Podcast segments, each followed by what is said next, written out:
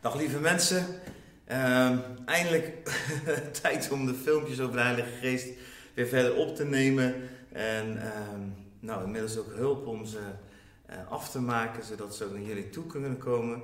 Eh, ik wil graag verder met de Heilige Geest, meer van de Geest. En dat is, we gaan het vandaag hebben over vrijmoedigheid. Nou, dat is denk ik wel een verlangen wat ieder van ons heeft. Wat is het heerlijk als je vrijmoedig bent. Vrijmoedig kan vertellen over wie Jezus voor je is. Vrijmoedig ook kan bewegen om de Heilige Geest niet alleen te ontvangen, maar die stromen van levend water ook uit je binnenste voortkomen. Ook weer uit te delen, weer weg te geven wat God jou gegeven heeft. We verlangen denk ik allemaal naar vrijmoedigheid. Als we de liefde van God ervaren hebben, dan verlangen we ernaar dat we dat weer terug door kunnen geven. En dat is niet makkelijk. Het is een prachtig woord. Hè? Dat, het is niet makkelijk. En, en dat woord, dat zegt dat al eigenlijk. Want dat woord vrijmoedigheid, daar zit het woord vrij in. Dat je vrij bent. En dat je moed hebt. Nou, dat zijn twee woorden die in ieders leven best wel, denk ik, beproefd zijn geweest of nog steeds beproefd worden. Want het is in deze maatschappij, in deze wereld niet zo makkelijk om echt vrij te zijn. Om zo vrij te zijn zoals Christus bedoeld heeft, dat we het goede kunnen zoeken voor onszelf en de goede keuzes kunnen maken ook voor anderen. Dat we vrij zijn. Dat we niet belemmerd worden door allerlei uh, oude dingen van stof wat op ons leven ligt. Het oude mens die ons nog aankleedt. Maar dat we daadwerkelijk vrij zijn. En dat we ons vrij bewegen zonder. En echt vanuit de identiteit van de Allerhoogste. En moedig.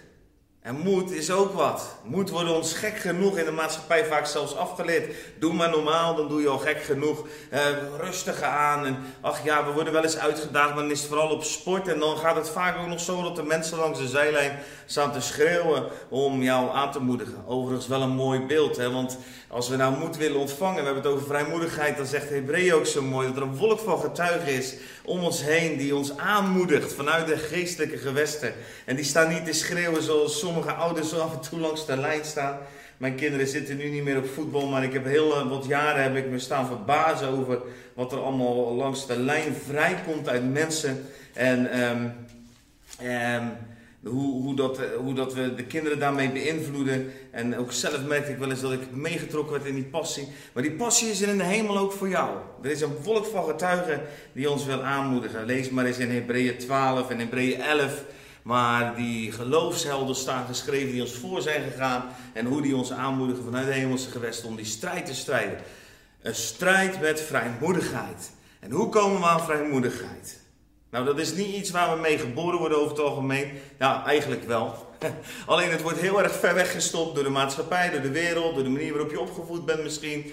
En je merkt ook, als je het geestelijke klimaat ook in Nederland bekijkt, dat er ook gewoon een geestelijke macht is die probeert om het geluid over Jezus en het geluid over de liefde van Jezus tot zwijgen te brengen. Al jaren en jaren lang. Het liberale gedachtegoed, het, het, het, het wegstoppen van de waarheid.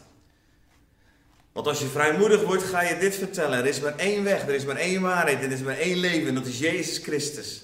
Nou, een exclusieve waarheid, dat staat direct onder druk. En toch is het zo. En ik ben dankbaar dat ik daar vrijmoedig in mag zijn. Ik schaam mij de waarheid van Christus niet. Ik schaam mij Christus niet. Want Hij heeft mij gered. En Hij is de weg, Hij is de waarheid, Hij is het leven. Er is geen andere weg naar redding. En er is geen andere weg naar de Vader. Er is geen andere weg naar ons heil, ook hier op aarde, dan door Hem.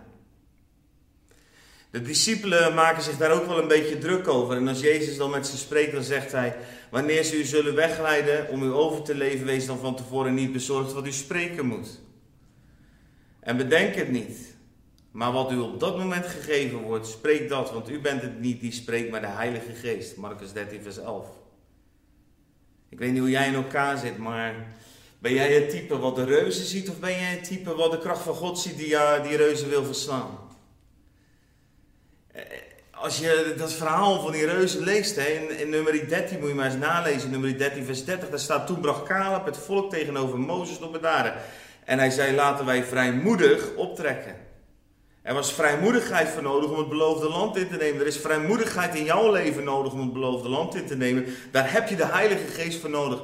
Eh, eh, even terug naar die tekst. Dus laten wij vrijmoedig optrekken. Wij zullen het land in bezit nemen en we zullen het zeker overmeesteren.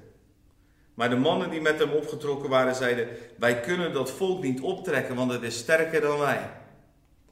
In Handelingen 4 kom je de gemeente tegen die direct onder druk gezet wordt. En ik trek even die parallel die daar het beloofde land het innemen was. Er werd een gemeente geboren, die was net geboren uit de Heilige Geest, uit Christus. Was er een gemeente ontstaan en die gemeente die was vol van de Heilige Geest. En er werden tekenen en wonderen gebeurden. En wat gebeurde? Direct kwam de maatschappij, direct kwam de grote cultuur eromheen, kwam in opstand. Alles wilde ze gelijk naar beneden drukken. En op het moment dat dat gebeurt, dan zie je ook dat, ze, dat, dat de gemeente wordt geschud. Er, ontstaat een schrik. En het gaat zelfs zo ver dat Petrus en Johannes in de gevangenis terechtkomen. En dan gaat de gemeente bidden. En de gemeente gaat bidden. En waar bidden ze voor? Ze bidden natuurlijk dat Petrus en Paulus uit de, uit de gevangenis verlost worden. Maar ze bidden vooral ook voor vrijmoedigheid.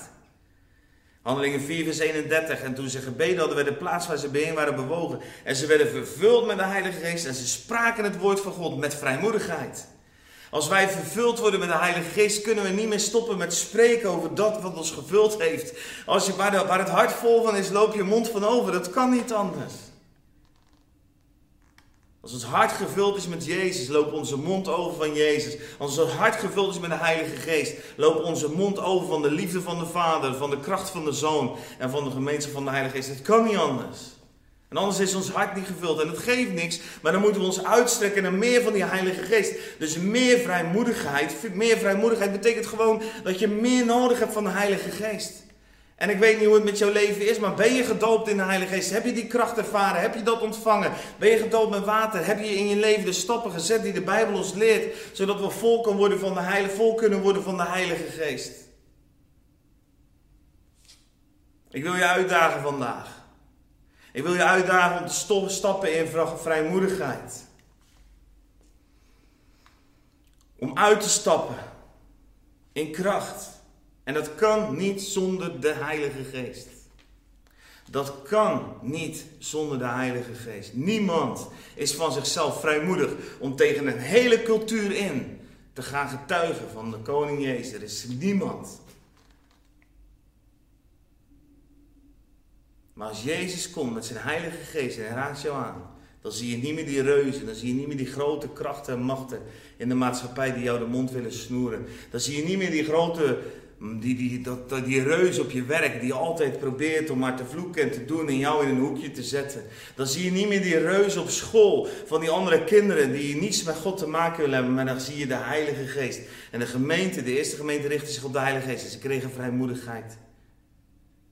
In Handelingen 14, vers 3 staat hoe dat verder gegaan is. En het, heel, het hele boek Handelingen en alle boeken en, en ook mijn leven en het leven van mijn vrouw en, en alle mensen die zo vol zijn van de Heilige Geest. Waarom worden we vrijmoedig? Omdat we overstromen van Hem. Je kan niet vanuit jezelf, het is niet zo dat je vanuit jezelf vrijmoedig wordt. Daarvoor heb je de Heilige Geest nodig. Handelingen 14, vers 3. Ze verbleven daar een lange tijd en spraken vrijmoedig in vertrouwen op de Heer. En de Heer die gaf getuigenis van het woord van zijn genade en tekenen en wonderen door hun hand liet gebeuren. Lieve mensen, ik wil je uitdagen in vrijmoedigheid. Ik wil je uitdagen om vandaag gewoon eens het gesprek met iemand aan te gaan. Ook al zie je er nog zo tegenop. Misschien maar gewoon een klein getuigenis. Dat wat de geest je gewoon ingeeft op dat moment. Vertel eens hoe dankbaar je eigenlijk Jezus bent voor het lekkere weer. Als dat toevallig lekker weer is vandaag als deze. Vertel, vertel eens iemand hoe dankbaar je bent dat Jezus in je leven gekomen is. Vertel eens iemand hoe dankbaar je bent dat je met een gemeenschap verbonden bent die van je houdt en waar relatie en liefde centraal staan. Vertel eens iemand iets over de grote dingen die God in je leven gedaan heeft. Als je geen vrijmoedigheid hebt, dan heb je meer nodig van Gods Heilige Geest. Dan mag je je handen uitstrekken. Heilige Geest, ik wil u vragen op dit moment, val op hen, val op mij, val op ons zodat we voller en voller mogen worden. Zodat we mogen drinken van u, van uw bronnen, van uw beek. Zodat die stromen van levend water uit ons binnenste voort mogen komen. In de naam van Jezus de Christus. Amen. Ik wens je veel vrijmoedigheid en merk je heel veel obstakels daarbij, dan, ja, dat kunnen duizenden redenen zijn. Ik wil je ook aanmoedigen, kom gewoon naar een event of iets. Aanstaande vrijdag, als ik nu dit filmpje opneem, is het aanstaande vrijdag op 10 juli. Dan hebben we een ehm, event in. Uh, dan is er een uh, bijeenkomst, een fijnheid in de Donk in Harningsveld, Griesendam. Je bent daar van harte uitgenodigd. En ehm, daar zullen we je met liefde dopen in de Heilige Geest. En dat is wat we nodig hebben. Anders worden we niet vrijmoedig. Dan blijven we in onszelf gekeerd en zien we overal de reuzen.